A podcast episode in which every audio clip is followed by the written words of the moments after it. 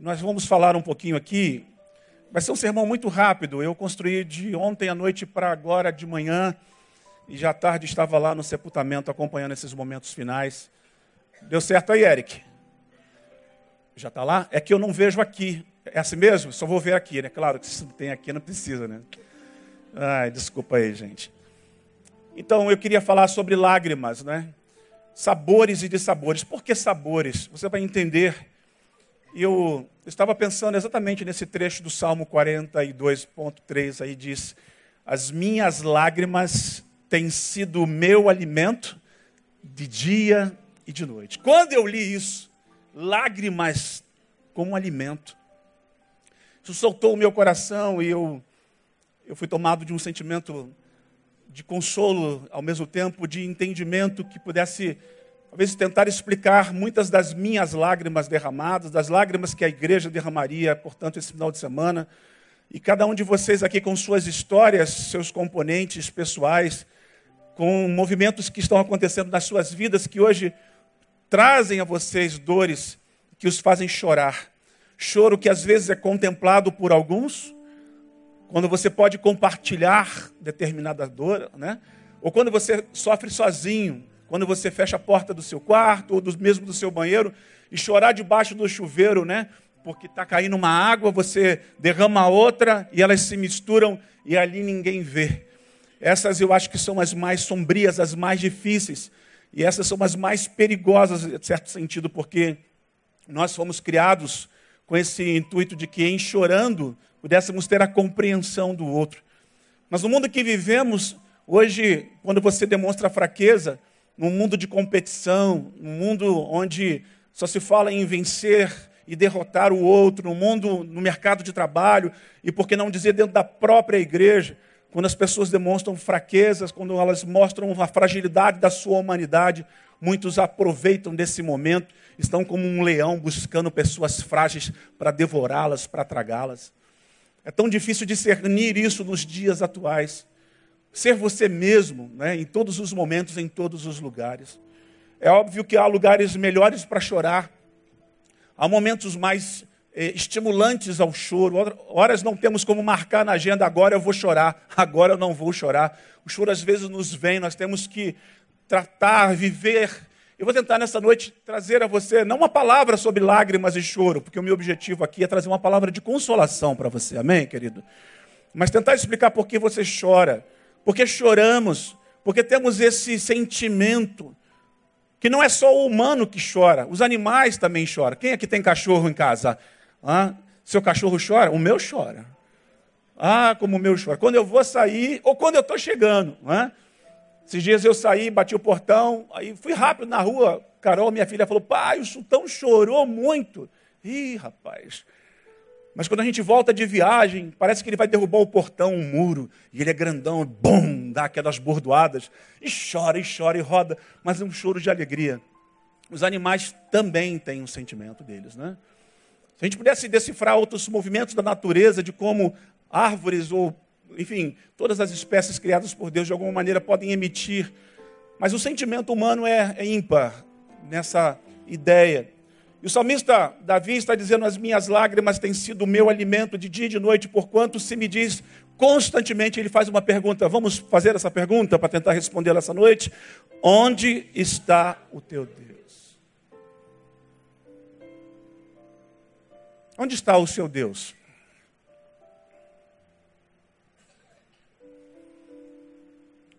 Na maneira como nós olhamos para Deus, isso define muito do que fazemos exercemos na vida e como a vida se comporta diante de nós. Hoje nós fomos lá na sepultura da irmã Lina e Cláudia me pediu: vamos ali ver a de nossa filha. Há quase 13 anos atrás, uma história que eu conto sempre aqui, nós sepultamos a nossa filha de 11 anos. E lá outras lágrimas foram derramadas. Por que, que vocês não vierem logo embora? Vai sofrer para quê? Não é? Essas lágrimas elas têm uma forma terapêutica de exercer na gente um aliviar a saudade que fica. Vocês vão ter uma ideia aqui bem interessante de uma ciência sobre as lágrimas. Mas muito disso tudo salta dentro de nós, como eu creio que aconteceu com Davi, com o salmista. Onde está o teu Deus? Porque essa pergunta, na verdade, está sendo feita pelos inimigos. Porque nessa hora, muitos inimigos podem estar perguntando, quem sabe de outras religiões, e perguntando: é isso que vocês vivem na sua igreja? Ou quem sabe da própria fé evangélica, dessa positivista, de um Deus que a gente decreta para ele o que vai fazer como um gênio da lâmpada? de que quando a gente está vivendo algum tipo de tragédia, de situação ruim na nossa vida, pessoas que acreditam em Deus como sendo um Deus que vai castigar porque temos feito alguma coisa errada. Esperar isso de pessoas incrédulas é uma coisa, esperar isso do nosso próprio povo é, é bastante difícil. Eu ouvi isso, eu ouvi isso na minminha vida. É isso aí que é ser pastor? É essa fé? Eu tive parentes meus que entraram em crise profunda com Deus não admitiam o fato da morte de nossa filha. São perguntas que são feitas pelos outros e às vezes por nós. Que confiança que nós temos em Deus. Isso muda toda a maneira como as lágrimas vão rolar e como elas serão tratadas. Há uma topografia das lágrimas, e esse estudo de Rose Lynn, ela faz uma análise um estudo de 100 diferentes tipos de lágrima. Caramba, eu nem sabia que tinha tanta lágrima diferente. Para mim era uma coisa só, né? Quando você chora, que gosto que você sente quando a lágrima cai na sua boca? Salgado. Isso é comum em todos nós. Né? Sais minerais né, estão sendo, portanto, emitidos, nosso cérebro vai jogar essa informação e elas descem. Bom, é que Cada, eh, cada gota de lágrima, diz ela aqui, carrega um microcosmos de experiência humana, singular. É um mundo à parte em cada indivíduo, em cada criatura, cada homem e mulher que chora. E ela tem uma ajuda desse Joseph Stromberg, da Faculdade de Arte e Ciência de Smithsonian. É isso mesmo que diz? Né? E o Fischer está fazendo uma análise de três lágrimas principais que nós costumamos chorar, rolar das nossas faces, saindo dos nossos olhos, que são as basais, aquelas que o corpo produz para lubrificar os olhos. Eu tenho usado um colírio chamado lágrima, porque muitas vezes na frente do computador, trabalhando por horas sem piscar, o ressecamento das córneas provoca irritação e nos impede, inclusive, de seguir enxergando da maneira devida. E os médicos recomendam que a gente pisque os olhos muitas vezes que nem um, algum, alguém que tem um cacuete, né? Já viu? Algumas pessoas têm esse cacuete naturalmente. Mas esse é um exercício que nós devemos fazer à medida que estamos muito lidando nesse mundo de tecnologia, nessas telas que têm luzes fortes que emitem, principalmente quando você está num lugar escuro e você está vendo essa frente né, da, da tela emitindo sobre os teus olhos. E aí alguns recorrem, como eu, ao colírio lágrima, que não precisa nem de prescrição médica, você coloca e ele meio que lubrifica, porque ele tem a mesma base da, da lágrima e essa é a ideia. Temos também aí a visão deles da reflexivas e psíquicas, é um outro tipo de lágrima, né? desencadeada por emoções. Todas elas carregam substâncias orgânicas, incluindo óleos, anticorpos e enzimas. As lágrimas produzem, inclusive, anticorpos para proteger não só a nossa vista, como tratar muito da nossa alma. As lágrimas emocionais são carregadas de hormônios à base de proteínas, incluindo neurotransmissor, aí vai falando de uma série de coisas. E é também um analgésico natural. Chorar diminui a dor. Quantos aqui têm chorado e percebido como se sentem aliviados? Ah, alguns já estão manifestando aí. Tem coragem de dizer não? Nessa igreja aqui, homem chora também, viu? Não é aquela sofrência das músicas sertanejas, né? Mas chorar. Chorar não é sinal de fraqueza. Na nossa cultura, os machistas, né? Não chora, engula de choro. Na vida militar, né? não pode chorar, tem que segurar, ser o fortão e mostrar essa aparência de segurança. Quando, na verdade, grande bobagem. No fundo, no fundo, Todo mundo passa por momentos como esse. Então, nós, quando choramos, liberamos essas é, enzimas, esses, esses componentes químicos, né? Que podem ser muito diferentes. E aí eu vou mostrar para vocês agora uma coisa interessante, que é a visão sob o microscópio, como as lágrimas se apresentam as cristalizações diferentes umas das outras. Viscosidade, ah, levar em conta aí, ó, viscosidade, a química, a taxa de evaporação, as configurações do microscópio, enfim. Dá uma olhadinha aí. Olha que coisa interessante dos desenhos que vão se apresentar agora. Lágrimas de quando choramos de rir. Ah, como é bom chorar de rir, né, gente? Ouvir uma piada engraçada, ouvir um Paulinho Gogó, que às vezes é depravado, mas você né, morre. Aqueles vídeos Inclusive, quando a gente ri da desgraça alheia, né, a pessoa leva uma pancada, cai e tal, eles cortam o efeito que essas pessoas sofreram, mas a maneira como as músicas é, são colocadas, né, toda uma sonoplastia em volta, uma comédia. E você está assistindo um filme engraçado, daquele teu ator favorito, e você está rindo ou chorando de rir quando um, alguém de sua família está ali, se comporta, tem sempre, toda a família tem um palhaço, né, que faz a gente rir não um palhaço no sentido pejorativo, mas aquele palhaço que é divertido. Na nossa família, o meu cunhado, o Júnior, o Ronald Júnior, ele é, é, alegra os ambientes, está sempre com as histórias. E às vezes umas coisas bestas, bobas, mas apesar da infantilidade em alguns movimentos que ele faz, mas já está emendando com algumas coisas mais sérias também, enfim, é bem divertido. Olha que interessante que desenhos vão se formando. Lágrima de recordação, quando você chora da saudade de alguém. Né? Eles colocam isso no microscópio e vão percebendo que são desenhos. Bom, o que, que tem de interessante nisso, né? Eu achei, botei aqui, né? Estou mostrando para você. Se te interessa ou não, é problema seu, eu gostei. Viu? Não vai morrer de rir agora. Lágrimas de esperança. Olha os desenhos. Parece uma tatuagem, né? Lágrimas de esperança. E vai mostrando como as lágrimas elas são diferentes umas das outras. As lágrimas basais, portanto, aqui eu falei no início, as lubrificantes, essas que naturalmente nossos olhos né, vão emitindo diante de poluição, diante é, de movimentos que a gente faça. Olha a lágrima de cebola, gente. Terrível essa, né? Uh, coisa ruim é quando você está descascando a cebola, está cortando a bichinha e ela está cortando você, né? Aí você começa a chorar. E aí, olha como ela é fechada, é densa, né? Eu acho que nessa hora saem todos os sais minerais do nosso organismo, né? Lágrimas de tristeza, algum desenho jamais espaçado, né? Sem concentração de componentes importantes aqui. Bom, nós temos muitos motivos para chorar nessa vida, sim ou não? Quantos aqui, sinceramente, podem levantar suas mãos nessa noite e dizer, pastor, eu tenho derramado muitas lágrimas e preciso ser consolado? Levante a sua mão. Os motivos são diversos, não é?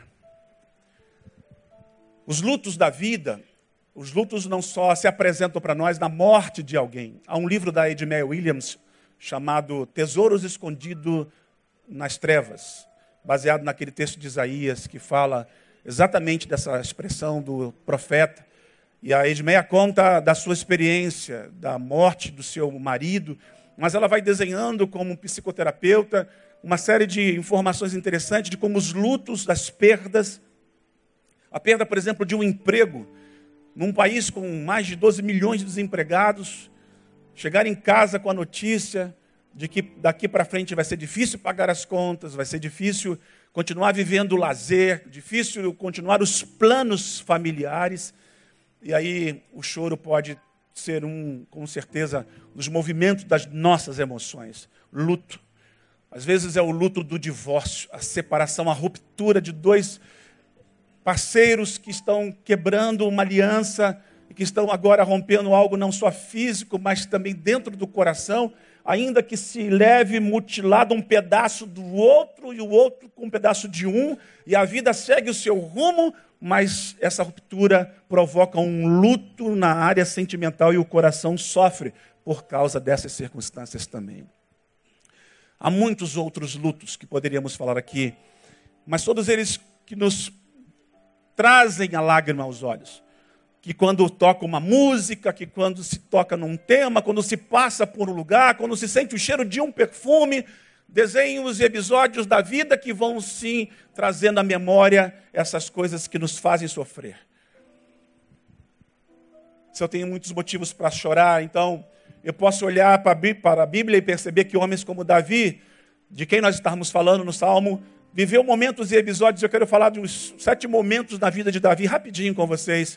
De como Davi foi chorando no caminho da sua existência. Um homem segundo o coração de Deus, um adorador, um homem dedicado às coisas do Senhor, tirado de trás das malhadas para servir ao Senhor, escolhido para ser rei de Israel. Nele está a geração que vai passar a chegar lá em Cristo Jesus. Mas Davi, ser humano como eu e você, viveu algumas lágrimas. E quem sabe algumas delas identifique com o teu motivo e com esse motivo você possa perceber como Deus foi tratando a vida de Davi, nessas respostas que Deus deu a ele. A primeira delas é na experiência dele com o seu melhor amigo, uma amizade configurada na Bíblia, clara, de um homem com outro homem, uma amizade numa aliança intensa.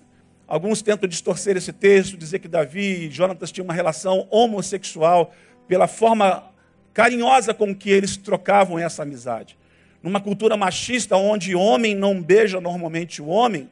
Eu já disse aqui a vocês, eu morei no Uruguai, e logo que eu cheguei no Uruguai, um pastor barbudo de uma igreja batista, um homem gordão, veio, me abraçou na rodoviária e tascou um beijo no meu rosto. Como missionário, eu aprendi a transculturar. Eu voltei no outro lado do rosto dele e dei outro beijo. E aprendi que na cultura uruguaia, homem beija homem, mesmo sem intimidade, mesmo sem se conhecer por muito tempo. Em minha casa nós nos acostumamos a nos beijar, eu, meu pai e meus irmãos. Nessa cultura, Davi vive momentos bem intensos com seu querido amigo Jonatas.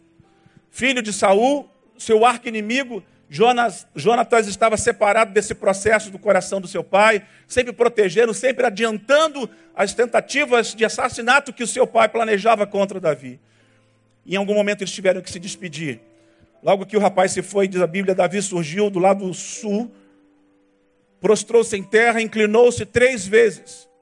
Eles se despediram, beijando um ao outro, e choraram. Mas Davi chorou muito mais. São essas despedidas da vida.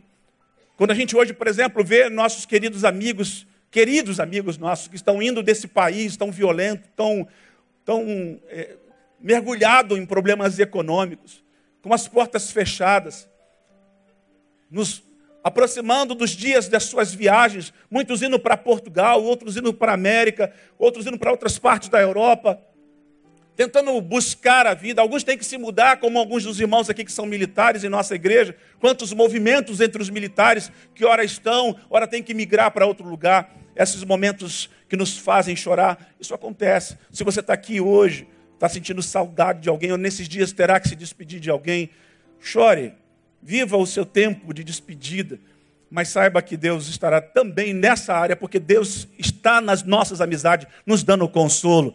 E louve a Deus, irmãos, porque hoje tem WhatsApp, hoje tem Skype, hoje tem e-mail. O sinal de fumaça já ficou para trás há muito tempo. Nós vivemos um tempo em que essas coisas aqui hoje podem nos aproximar muito. Eu estava sentado ali, tem um amigo lá na Irlanda já me escrevendo, estou te vendo aí e tal, falando da minha roupa, falando mal, não, brincadeira. Mas veja como é a distância, nós podemos nos conectar, mas nesse caso aqui não. Tiveram que chorar. Foi embora um amigo. Essa é uma das lágrimas de Davi na sua história. A segunda delas é quando Davi soube que os amalequitas, essa aqui foi uma tragédia, saquearam Ziglag. Eles incendiaram a cidade, tomaram as mulheres deles e todos os seus guerreiros. Davi estava numa batalha, vieram os inimigos e cercaram lá a cidade onde eles estavam, pegou tudo que eles tinham, destruiu, levaram os seus entes queridos. Nesse momento, Davi e a tropa que o seguia choraram bem alto. Olha aquele choro escandaloso, de berros mesmo, de prantos, de alma que não compreende, não aceita. Um misto de ódio, de fúria. Ficam sem chão. Não foi apenas a mulher de um que foi, puxa, cara, vem cá. Não, foi, as mulheres todas foram levadas. Os filhos, não tinham mais teto, não tinham mais aconchego, eles perderam todas as coisas num só dia. E essa gente, lembre-se, está lutando em nome de Deus. Davi, um homem segundo o coração de Deus, fazendo alguns movimentos estratégicos em oração.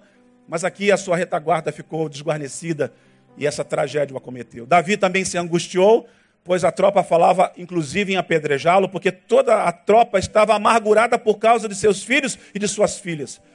Mas Davi se fortaleceu no Senhor. Tem uma hora, querido, que a gente não pode deixar que o pranto tome a nossa casa. Não pode permitir que o pranto tome nossa comunidade de fé. não pode permitir que o pranto tome nossos negócios, que as pessoas que estão envolvidas se desesperem.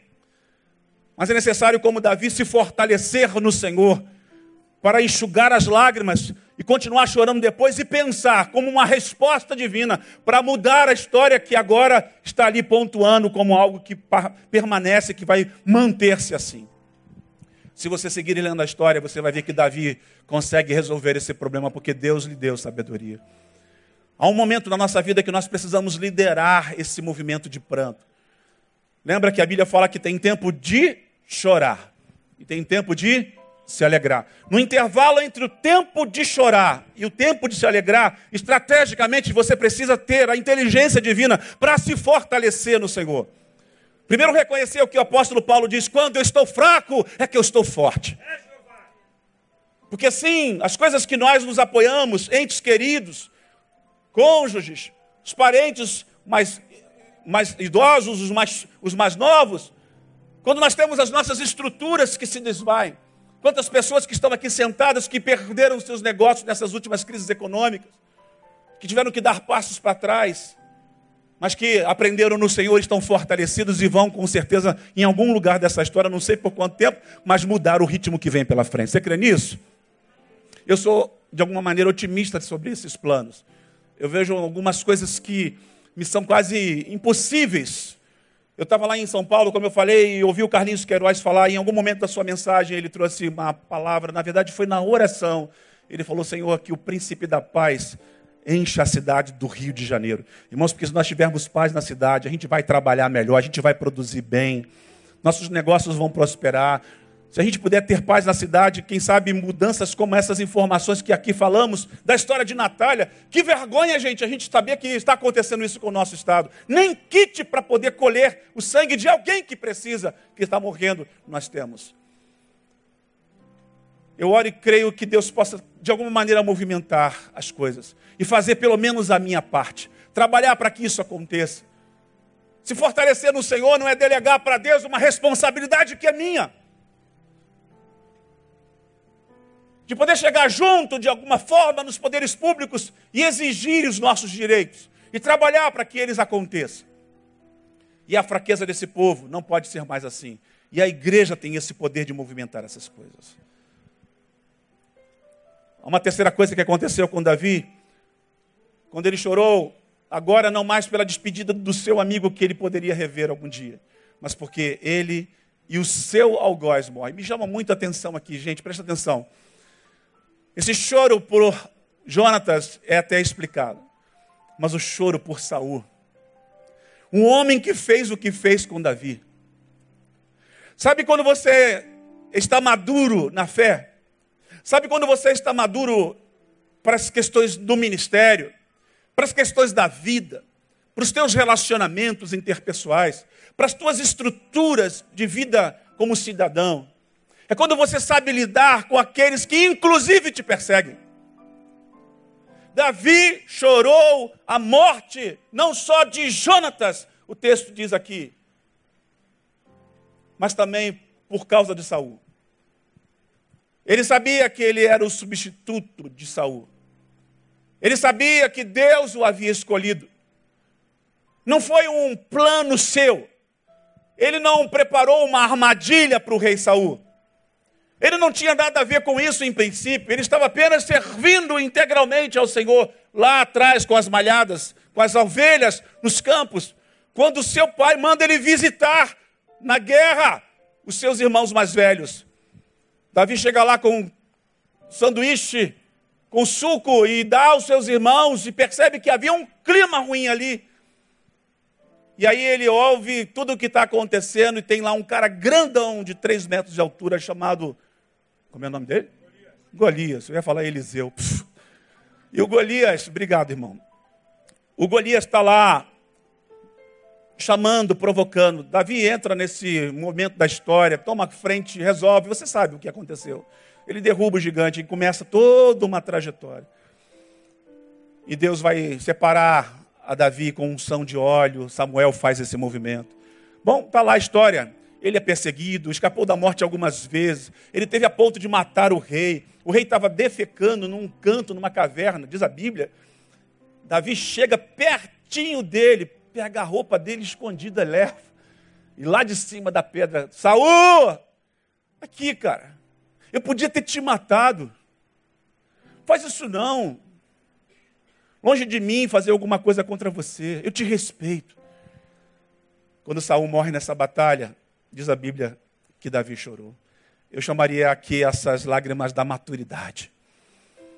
É quando a gente chora a morte de alguém. Nós estávamos sepultando a irmã Lina. Um pouco antes, um sepultamento bem em frente às capelas. Muitas pessoas com a camisa do Flamengo. E alguém se aproximou e disse: Um torcedor que ontem morreu por causa do Vasco e do Flamengo. Aí falávamos do ódio que estão por detrás dessas torcidas. Morte, toda morte é inútil, né? Porque são seres humanos, mas é, é banal demais. Matar o outro cara porque ele torce por time que você não gosta. Você sabe que isso é uma guerra constante nas nossas.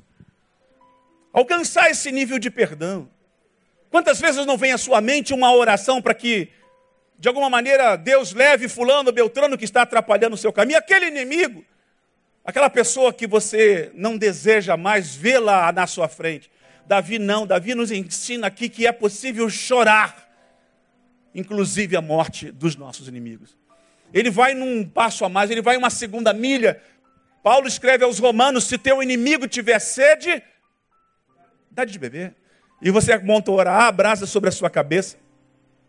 Aqui Davi faz algo mais extraordinário. De alguma forma, ele, sinceramente, não é aquela lágrima de crocodilo que a gente.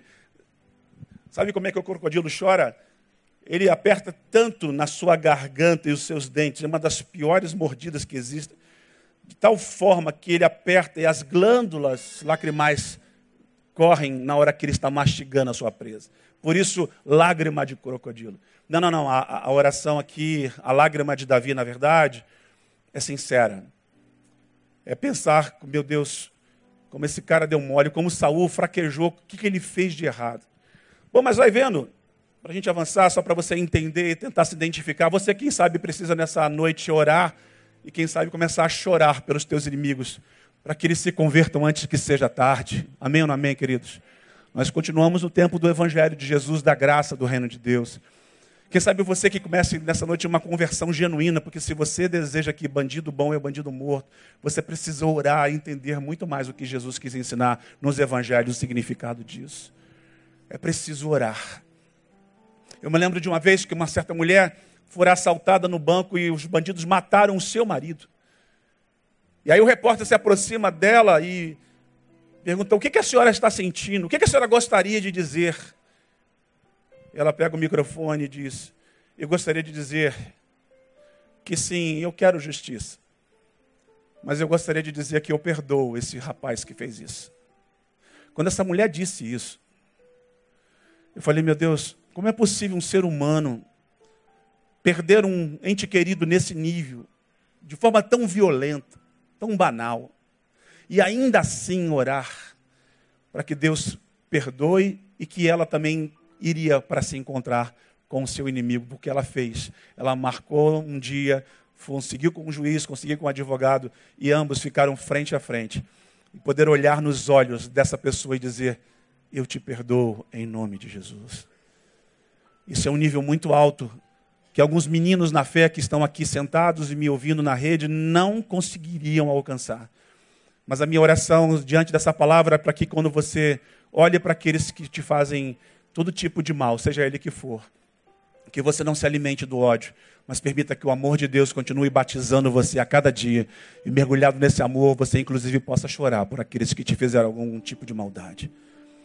Até porque, gente, deixa eu dizer uma coisa para você. É tão fácil para a gente apontar aquilo que os outros estão fazendo contra a gente. Mas pensa, quantas vezes você já fez alguém chorar? Menos ou mais? Quantos de vocês que aqui estão já não provocaram lágrimas nos seus pais, nos seus filhos? Precisa haver essa conversão entre pais e filhos, como diz a palavra de Deus. O espírito de Elias viria para converter coração de pais aos filhos, de filhos aos pais.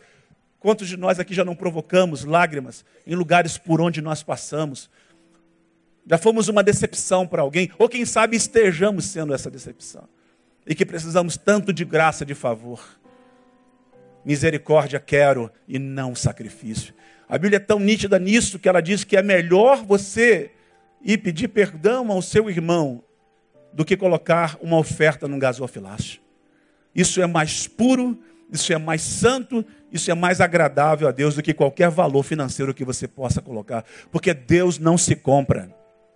E Ele sabe o preço que foi pago para que nós pudéssemos ter a amizade que estava rompida. E essa amizade é para todo mundo. Glória a Deus, queridos. Vocês estão comigo? Amém? Meu computador parou aqui. Quatro, Davi chora e jejua por seu filho, ainda bebê, que morreu. Davi viveu, você sabe da sua história, uma tragédia familiar muito severa, por decisão dele. Davi toma por mulher a mulher de um dos melhores soldados que ele tinha. O cara estava lá no campo lutando pelo reino, Davi ficou em casa. E aí ele se interessa por Betseba. Bom, Betseba fica grávida, e ele manda trazer Urias. E aí Urias não deseja deitar-se com a mulher. Ele não quer desonrar o rei. Ele não está sabendo o que está acontecendo. Davi coloca ele lá na frente da batalha. Ele vai morrer. E aí agora Davi traz a Betseba e diz: está tudo bem. Você agora é minha. Vai tudo se calar no reino. E a gente vai ficar feliz para sempre. Bom, mas a história diz que a criança nasceu. E a criança ficou muito enferma. Davi entra num processo de movimento de arrependimento e de choro, de pranto e de jejum por essa criança. Ele clama, ele clama ardentemente, como você pode ler no texto. Mas a Bíblia diz que Deus pega a criança e leva. Davi percebe que ele tinha dois caminhos: ou continuar chorando, ou parar o choro e reaprender a caminhar. Depois desse tropeção. Porque deixa eu dizer uma coisa para você, olha aqui para mim. Nós somos bípedes andamos sobre pés. E é da nossa natureza que em algum momento a gente tropece e caia. E em caindo, tem um gato dentro da igreja, gente. Agora que eu vi ali. Pode ser um anjo, né? Deixa ele aí. A gente caindo, qual é a tua reação depois que você cai? Querer se levantar. Bom, você não foi chamado para rastejar. A tua natureza te emite uma comunicação básica. Deixa ele, deixa ele. E aí está aí, nós caminhamos nessa direção da vida e tropeçamos. Bom, Davi, Davi fez o que qualquer um de nós aqui podíamos fazer. Eu, pastor, eu sou um homem santo, eu sou uma mulher santa, jamais. Não diga jamais. Aliás, antes de você desconfiar de alguém, escute isso, desconfie de você. Ah, você está desconfiado de alguém? É, é interessante. Isso é discernível, isso te ajuda a se precaver, a ser preventivo. Mas quer ser mais preventivo ainda? Desconfie de você. É bom ler Paulo de vez em quando falando aos romanos que o bem que eu quero fazer, não faço. Miserável homem que sou, quem me livrará? Davi estava lá, gente, ele fez, foi horrível, foi traumático, foi desgraçador. Mas ele se levanta e para, não vou mais chorar, não vou mais jejuar. Tragam comida, vamos enxugar as lágrimas, vamos começar a vida. De alguma maneira, Deus estava tomando o coração de Davi, dizendo: É, Davi, apesar de você, eu sou Deus e eu vou escrever uma história sobre a tua vida. Nasce um outro filho, e o nome dele é Salomão. Quem foi o homem mais sábio da história? Salomão. Davi e Betseba deram luz à sabedoria. Às vezes a gente está vivendo uma vida de tolice, e é assim, um tempo que a gente chora muito, porque os tolos, os tolos estão mergulhados nas poças de lágrima o tempo todo. Deixa eu dizer para você uma coisa, eu olhar para o público mais jovem, nós temos muitos jovens aqui na igreja.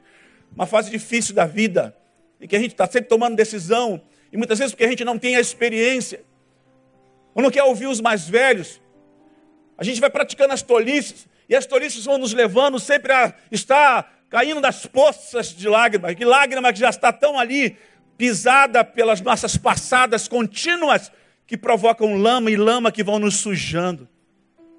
Davi viveu esse episódio na sua imaturidade espiritual, no seu momento e movimento carnal. dando vazão, abriu as portas, as porteiras, as janelas, abriu tudo, escancarou e disse: Vem carne sobre mim, que eu quero, eu quero comer, eu quero consumir. E ele fez. Mas ele é um homem que sabe quem é Deus. E ele se arrepende profundamente. E as lágrimas de arrependimento, elas são as lágrimas mais poderosas que existem. Nessa hora, num, numa ideia metafísica, como se o Espírito Santo mandasse um anjo que pegasse as nossas lágrimas e colocasse no microscópio de Deus e ali identificasse a sinceridade delas. Porque uma coisa é lágrimas de arrependimento, outra coisa é lágrimas de remorso. Judas teve suas lágrimas de remorso e viveu o que viveu, foi para a forca. Pedro já viveu outra experiência. Nas suas patadas, nas suas meninices, negou a Jesus e ele chora amargamente. Diz a Bíblia que Pedro se arrependeu e olha no que deu a história de Pedro. Então, deixa eu dizer uma coisa para você. Se você entrou aqui hoje, se você nos ouve aí e vive vivendo uma vida de tolo, derramando lágrimas de tolo, hoje é possível que você comece uma nova vida, começando a se preparar para chorar lágrimas de sabedoria e ver nascer um Salomão através da sua nova vida em Deus de começar a dar passos de sabedoria e marcar a história da vida de tanta gente que está esperando por você no caminho. Sai daí, tolo, sai daí, tola. Vambora, vem para o caminho da sabedoria com um arrependimento profundo e sincero diante de Deus. Rapidinho, deixa eu passar aqui por essas outras três vezes. Falei que ia falar pouco, né? Então, Davi tem uma experiência por causa desse momento todo que ele vive. O incesto entre filhos, o Amon com a Tamar, o irmão pega a irmã e transa. Aí Davi chora. Depois o irmão mata o outro por esse motivo. O Absalão vai lá e mata o Amon. Não suporta essa ideia. Aí já é a sexta movimento, o sexto movimento desses atos, dessa peri, perícope, como diz o Carlinhos Queiroz. Nessa história, dessa novela. A história de Davi é uma grande novela. Com detalhes, com melodramas assim bem daqueles né, sinceros. E por último, ele tem a traição e morte de Absalão. Tra traição porque Absalão quer tomar o reino e provoca toda uma preparação para impedir que Davi continuasse reinando. Ele consegue momentaneamente, mas os soldados de Davi avançam contra Absalão. Absalão está correndo com um cavalo, de repente ele entra no lugar, ele era muito cabeludo, ele estava com Rastafari. Gente, não tem nada a ver com Rastafari não, tá bom? Você que usa pode continuar usando, cabelo comprido. Ele estava lá e de repente aquilo agarrou nos galhos e ali ele ficou. Diz a Bíblia que Davi chora profundamente a dor da perda do seu filho. É esse homem capaz de nos ensinar a chorar. Que, como consequências de tudo errado que ele fez na vida, com, com todos esses transtornos, esses desdobramentos de uma história que vai manchando a vida do homem segundo o coração de Deus, mas ele vem chorando e como se fosse uma lágrima que lavasse cada um desses movimentos, desses momentos, e fosse fazendo uma faxina na sua história e marcando um arrependimento profundo. É dele o salmo que diz: Cria em mim, ó Deus, um coração puro e renova em mim um espírito inabalável diante de ti. Enquanto eu calei os meus pecados, envelhecer os meus ossos. Ele sabe que todo esse mal que a gente pode viver numa vida distante de Deus, mesmo estando num ambiente como esse, pode nos trazer tragédias profundas, mas que em Deus e em Cristo Jesus nós somos recuperados por causa da sua graça e da sua misericórdia. Glória a Deus, queridos. Indo para o Novo Testamento rapidinho, a gente pode pensar nas lágrimas de Jesus. As lágrimas de Jesus são em três episódios, um deles é mais intuitivo, é mais conjectura, não está tão claro no texto, mas a gente sabe que quando ele olha para Jerusalém, quando ele vê Lázaro morto, ele chora. Quando ele está no Getsemane, ele chora. Quando ele vê o seu amigo Lázaro, diz a Bíblia que ele, sabendo dessa notícia de um dos melhores amigos, porque a despeito dele ter os discípulos como seus seguidores, que eram amigos também seu, mas ele tinha algo diferente com aquela casa onde três irmãos solteiros num episódio da Bíblia que vai falar para a gente de Maria, de Marta e de Lázaro. E o homem da casa morre. Isso traz um peso enorme sobre essa família com a ausência da figura masculina. Jesus vem e, quando sabe de tudo aquilo, diz o texto que ele chorou. É o texto mais curto da Bíblia, fala desse derramamento de lágrimas de um Deus que chora. Ora, à medida que Deus encarna e Ele sabe das minhas, das suas dores, Ele sabe exatamente o que está passando com cada indivíduo aqui agora na face da terra, de uma maneira muito expressiva, muito íntima, essa manifestação de humanização divina, de sentir no seu próprio corpo, tudo por causa dessa vontade que ele tinha por amor a nós de ir até aquela cruz e de marcar a nossa história para sempre, sempre. Mas enquanto na sua humanidade ele perde um ente querido, e aí justifica o fato de que sim, devemos chorar por um ente querido. Devemos sentir a dor. Por que não chorar? Por que engolir o choro? Quando nós nos casamos, eu e Cláudia, no sábado do nosso casamento, na sexta-feira, a irmã mais nova de minha mãe, minha tia, faleceu. Primeira coisa que eu disse à minha mãe, mãe, a senhora quer que eu adie o casamento? Ela falou, não, de forma alguma, meu filho, nós vamos enterrar sua tia hoje. E amanhã você vai casar com a Cláudia. Essa foi os primeiros, os primeiros passos da minha experiência dentro da minha vida conjugal. As fotos de minha mãe entrando na igreja, um semblante muito triste. Mas voltando ainda ao enterro de minha tia Elizabeth, eu não consegui chorar. Fiquei o tempo todo ali, perto daquele movimento, ela com três filhos órfãos agora ao lado do caixão, crianças ainda. E eu olhando para aquele momento, pensando na vida. Fui para casa, troquei de roupa e à noite encontrei-me com Cláudia. Eu falei, Cláudia, eu não estou conseguindo chorar. Eu acho que eu deveria chorar. Não porque eu esteja com a consciência pesada de que, não tendo chorado, eu não senti nada. Mas é como se tivesse uma coisa contida, sabe? Como se tivesse uma tranca no meu coração. Que não era uma coisa assim que eu estava fazendo porque queria. Eu estava sendo até mais forte do que eu. Qual não foi o toque de Cláudia naquele momento? Eu não sei se você lembra disso, bem, mas quando você falou, chore. E ela me trouxe para os ombros. E nesse momento eu comecei a chorar copiosamente. Ali naquela sexta-feira eu lavei a minha alma. E foi tão bom poder no outro dia, mesmo com toda notícia ruim, saber que a partir de agora era possível alegrar-se em meio a tudo isso e que a vida deveria seguir o seu rumo. E continuamos nos alegrando e sorrindo 27 anos de casado depois, porque sabemos, aprendemos como é chorar em cada momento. Talvez você esteja aqui hoje precisando que destranque, as tuas bolsas de lágrimas estão entupidas. Isso não é bom. Em algum momento isso refletirá na sua vida. Há um especialista em íris, é o iridologista, esse é o nome? E quando você vai a um tipo de médico assim, ele olha na sua íris e ele vê as marcas da tua existência. Alguém aqui já foi no iridologista alguma vez na vida? Não? Só você, Cláudia? Não é possível. Lindoval. E é incrível. Tente um dia ir a um iridologista. Gente, isso não é magia, não. Não é macumba, não. É um médico e ele se especializa. Não precisa ser médico. Alguns fazem tecnicamente essa análise. Como está registrado na nossa íris tudo o que aconteceu com a gente, o nosso momento atual e coisas distantes, fraturas, doenças, emoções abaladas. Porque essa expressão que os olhos são as janelas da alma, é claro, é óbvio. Isso é divino e humano.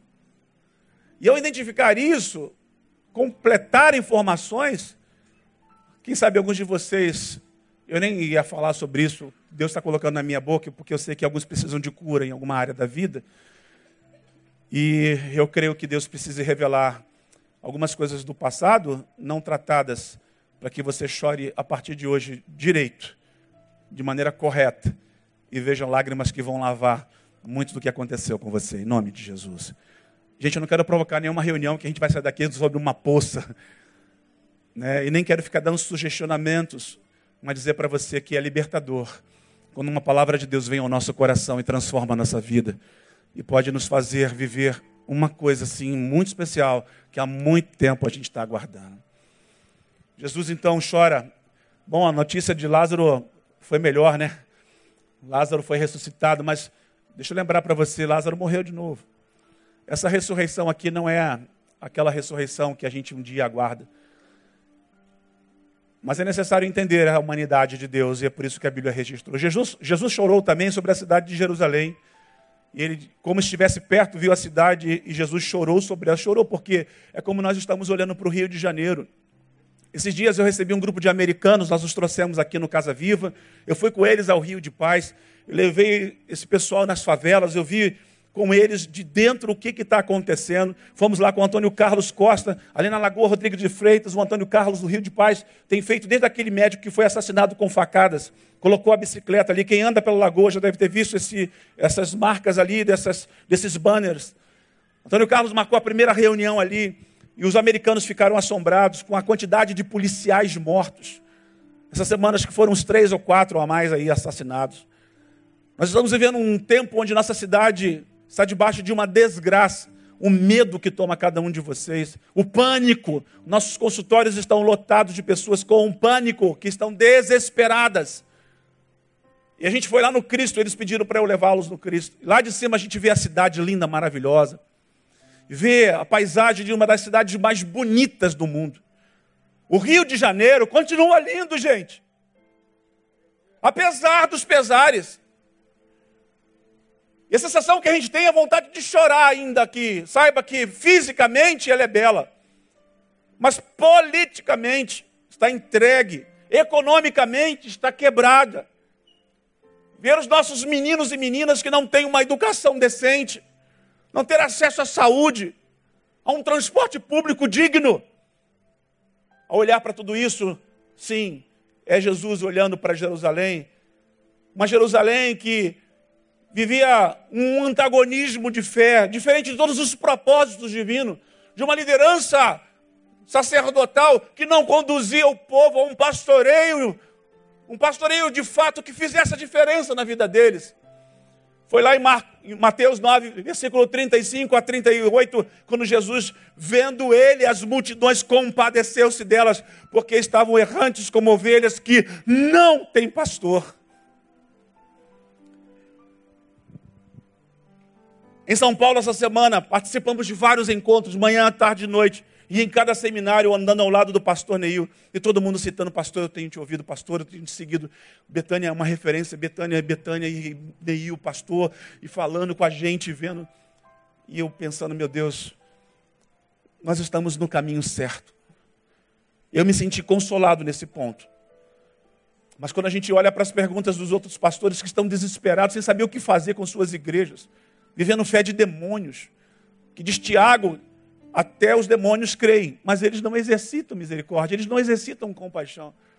E Jesus queria dizer, ao chorar sobre Jerusalém, perceber que faltava ali a compaixão de uma liderança que podia transformar a vida delas.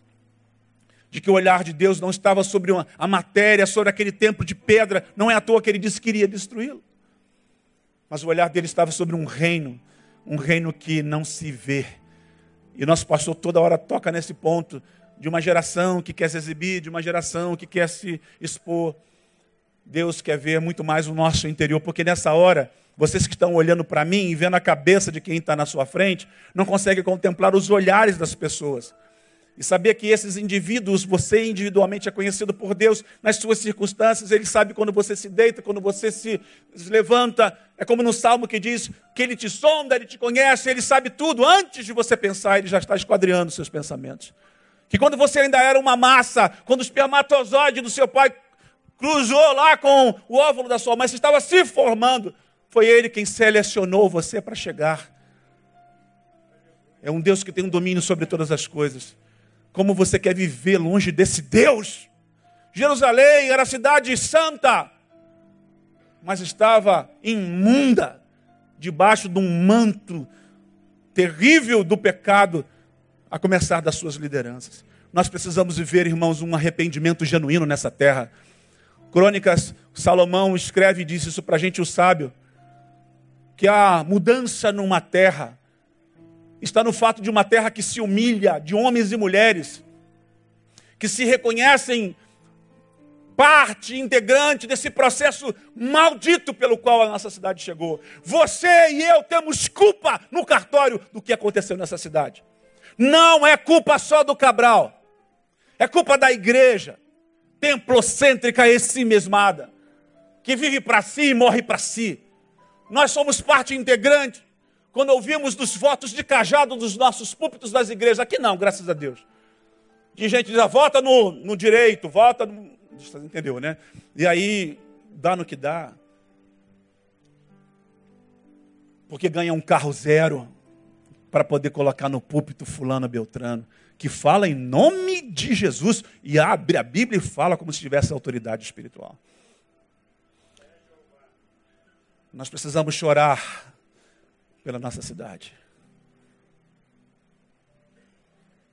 Precisamos nos arrepender dos nossos maus caminhos e eu ouvirei, e olharei as suas lágrimas, e eu as examinarei.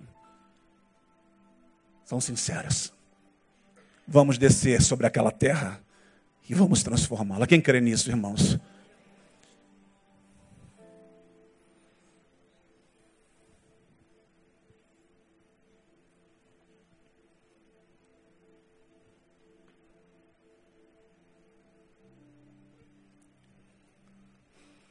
Por último, quero lembrá-los de algo que aconteceu na vida de cada um de nós à medida que fomos crendo.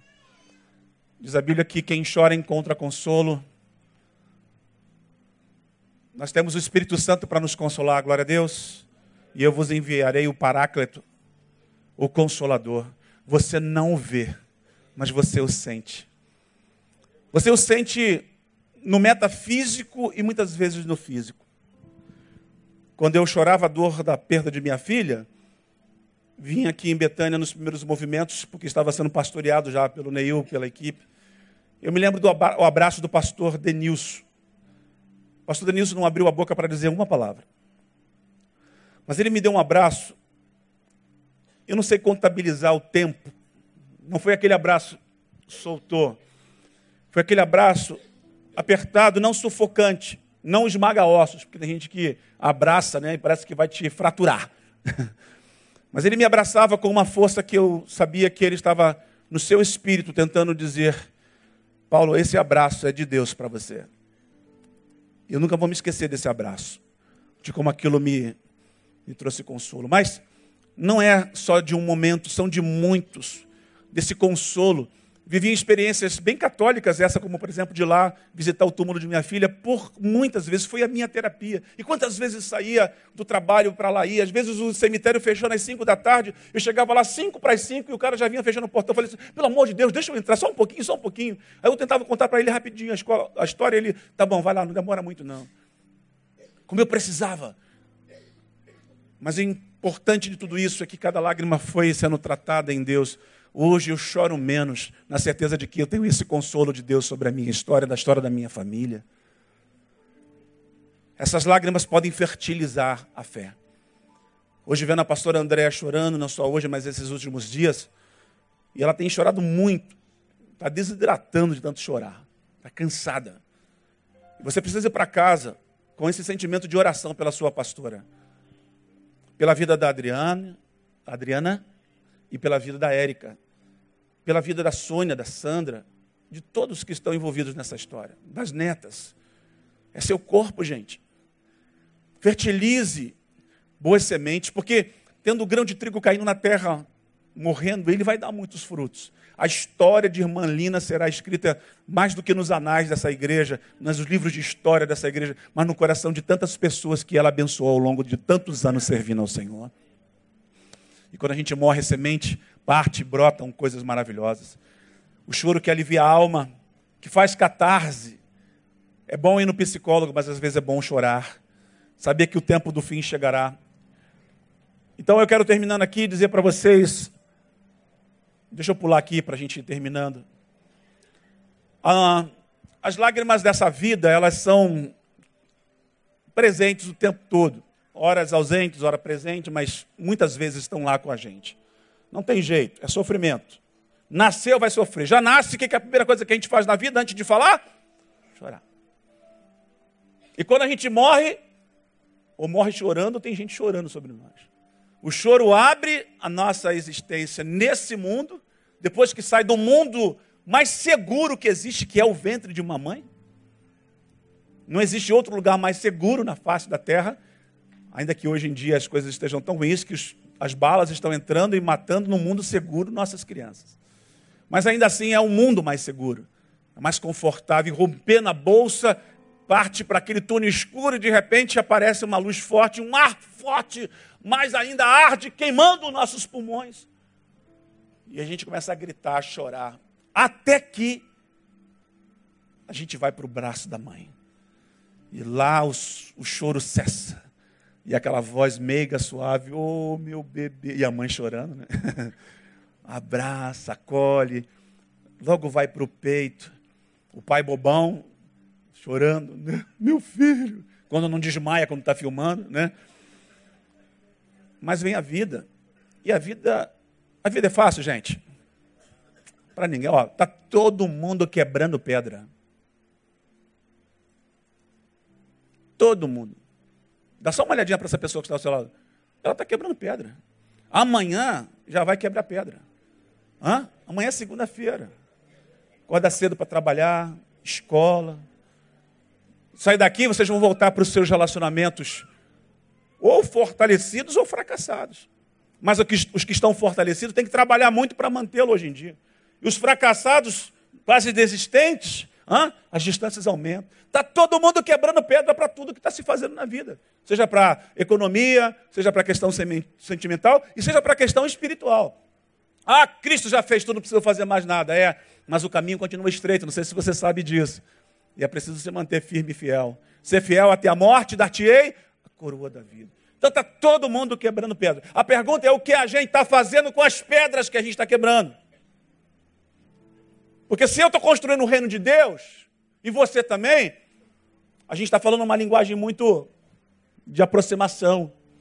Mas é preciso também dialogar com aqueles que não estão, para que a gente que sabe que está construindo o reino de Deus, possa, em algum momento, trabalhar naquilo que, quem sabe, falte em nós. Nós não somos os detentores de todas as informações. Nós conhecemos a verdade que é Cristo que nos libertou, glória a Deus, mas há muitas coisas que são feitas do outro lado, das outras matizes religiosas, que podem nos ensinar a nos orientar em muitas questões. Não que eles tenham a verdade, mas eles têm fechos de luz em áreas das suas vidas que podem nos ajudar a acrescentar alguma coisa. Há um choro, um choro horrível que eu queria ir terminando dizendo que vai ficar para sempre. Olha o versículo 28 de Lucas. E ali haverá choro de dentes. Que lugar é esse, gente? O inferno.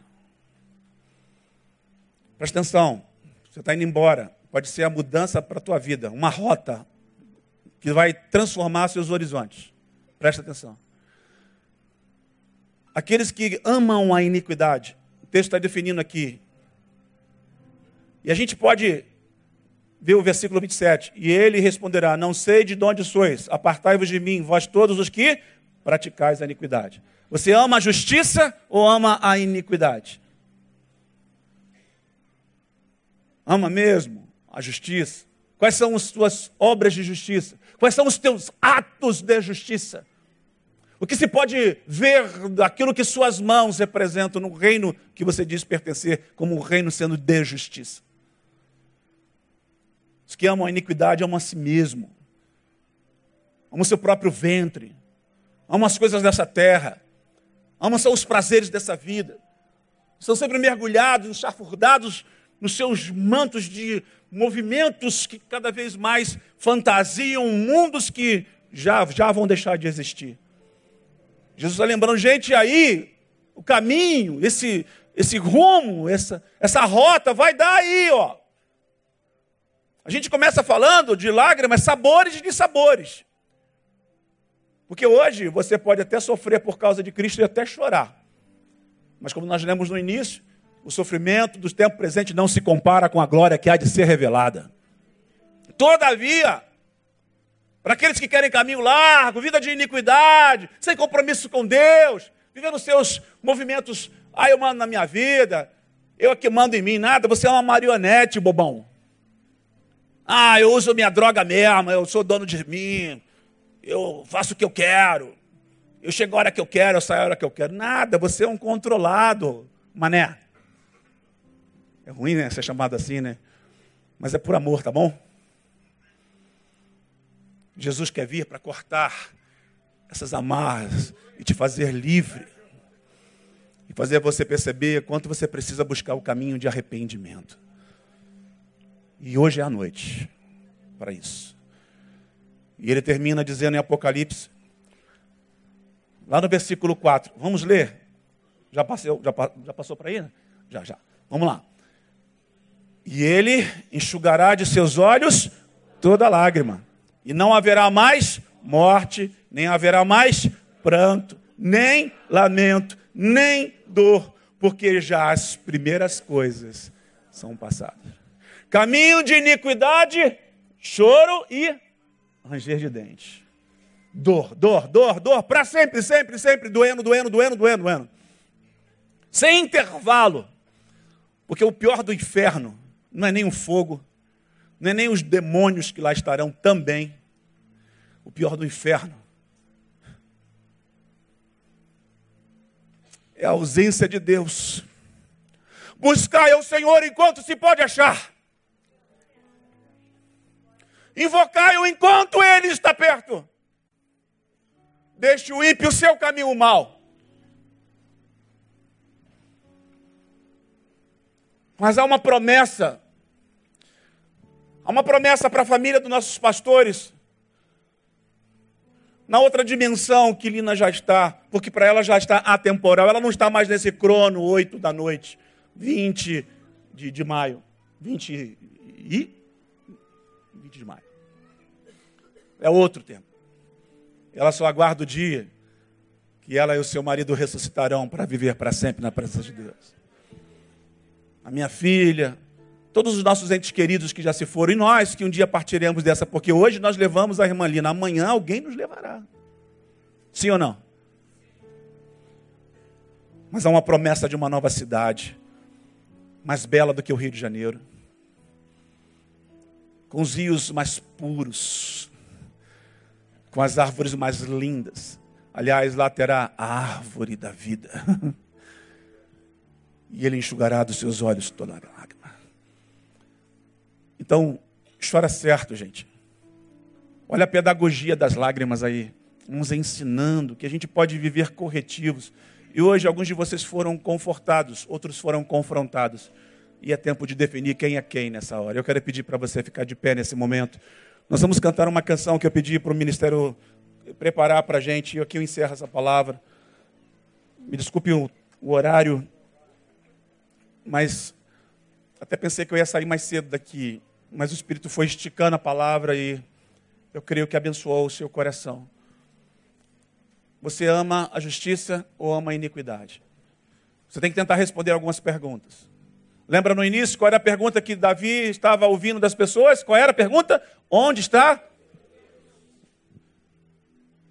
Tenta responder isso. E é individual. Pastor, como? Onde está o meu Deus? Bom, eu sei onde está o meu Deus. Meu Deus está no céu, também no meu coração. Há uma música que dizia assim: Meu Deus está no céu, também no meu coração. Do mundo está morto, mas o meu ressuscitou. O meu vive. O meu vive a ponto de dizer que essas coisas vão passar. De que as lágrimas de, de alguns de vocês que enterraram seus entes queridos, dessa dor da separação, da dor do desemprego, da dor das doenças, do câncer, de tudo que está acontecendo na sua vida Vamos cantar. E quando eu clamar em nome de Jesus. Será que o nome de Jesus é esse nome que a gente fica abrindo portas como se fosse uma chave qualquer? Não é assim, é a firmeza de coração. Alguns de vocês hoje aqui podem chorar continuamente para o resto da vida, porque a vida ela não vai aqui nesse mundo, não tem jeito. Não estou trazendo nenhuma promessa de que a partir de agora você não vai chorar mais mas é chorar certo, é chorar firme no Senhor, é saber que é temporariamente e que um dia cessará. Se você crê nisso, clame comigo ao nome de Jesus. Feche os seus olhos e vamos falar com Deus. Senhor, nesta hora aqui estão muitas pessoas que nos ouvem presente nas redes. Pedimos ao Senhor que por misericórdia alcance cada uma delas com o teu grande poder. Senhor do universo, o que é impossível para ti. Ajuda-nos a viver firmeza de coração. A viver, ó Deus, profundo arrependimento e chorar lágrimas que de fato, de fato transforme, que umedeça a nossa alma tão enrijecida, tão seca. Ó Deus, para que a fé possa produzir frutos Ó Deus, e para que o amor possa começar a frutificar dentro de nós de maneira tão significativa nesse tempo de desumanidade desenfreada. Te pedimos que nos recobre as forças nesses dias tão sombrios. Oramos mais uma vez pelo consolo e pelas lágrimas que ainda rolam sobre os olhos ou dos olhos de nossas amigas e amigos da família pastoral. Ó Deus, que por tua misericórdia o Senhor os abrace de maneira tão especial nesta hora fortalece o coração deles, fortalece o coração dos nossos queridos líderes, dos nossos irmãos. Olha para cada homem e cada mulher que aqui estão, Senhor. O Senhor conhece cada mundo, cada indivíduo, cada hora que a gente chora sozinho, o que é lágrima verdadeira, o que é sinceridade, quem é que pode se esconder do Senhor? Obrigado porque a tua humanidade foi representada em Cristo de maneira tão especial, porque Ele é o teu rosto. Sim, Senhor, é o rosto humano do Senhor sobre a terra. Obrigado porque ao olhar pelas lágrimas que o texto diz, podemos aprender que é chorar a dor de quem se foi. É possível, mas há tempo de chorar e há tempo de rir. Senhor, eu quero te pedir que ajude aqueles que em tempo precisam parar de chorar para que comecem a sorrir. Ao invés de pranto, ó Deus, louvor. Ó Deus, ao invés de choro, de lágrimas de tristeza, alegria, júbilo. Promove isso no meio de tantos quantos precisam, para que cada um na sua individualidade seja ministrado pelo teu Espírito e tratado a partir de hoje de maneira tão significativa, nessa noite de encontro, ó Deus, de percepção de quais são os sabores das nossas lágrimas, ó Deus, se são amargas, se são doces, se são salgadas, cada uma delas podem ser discernidas individualmente. Trata o nosso coração e abençoa-nos. E para aqueles que querem começar uma nova vida, que hoje seja marcante a história deles a partir deste encontro contigo nessa palavra, em nome de Jesus. Amém. Vamos cantar. Abraça a pessoa que está ao seu lado e nós vamos encerrar essa programação com essa música.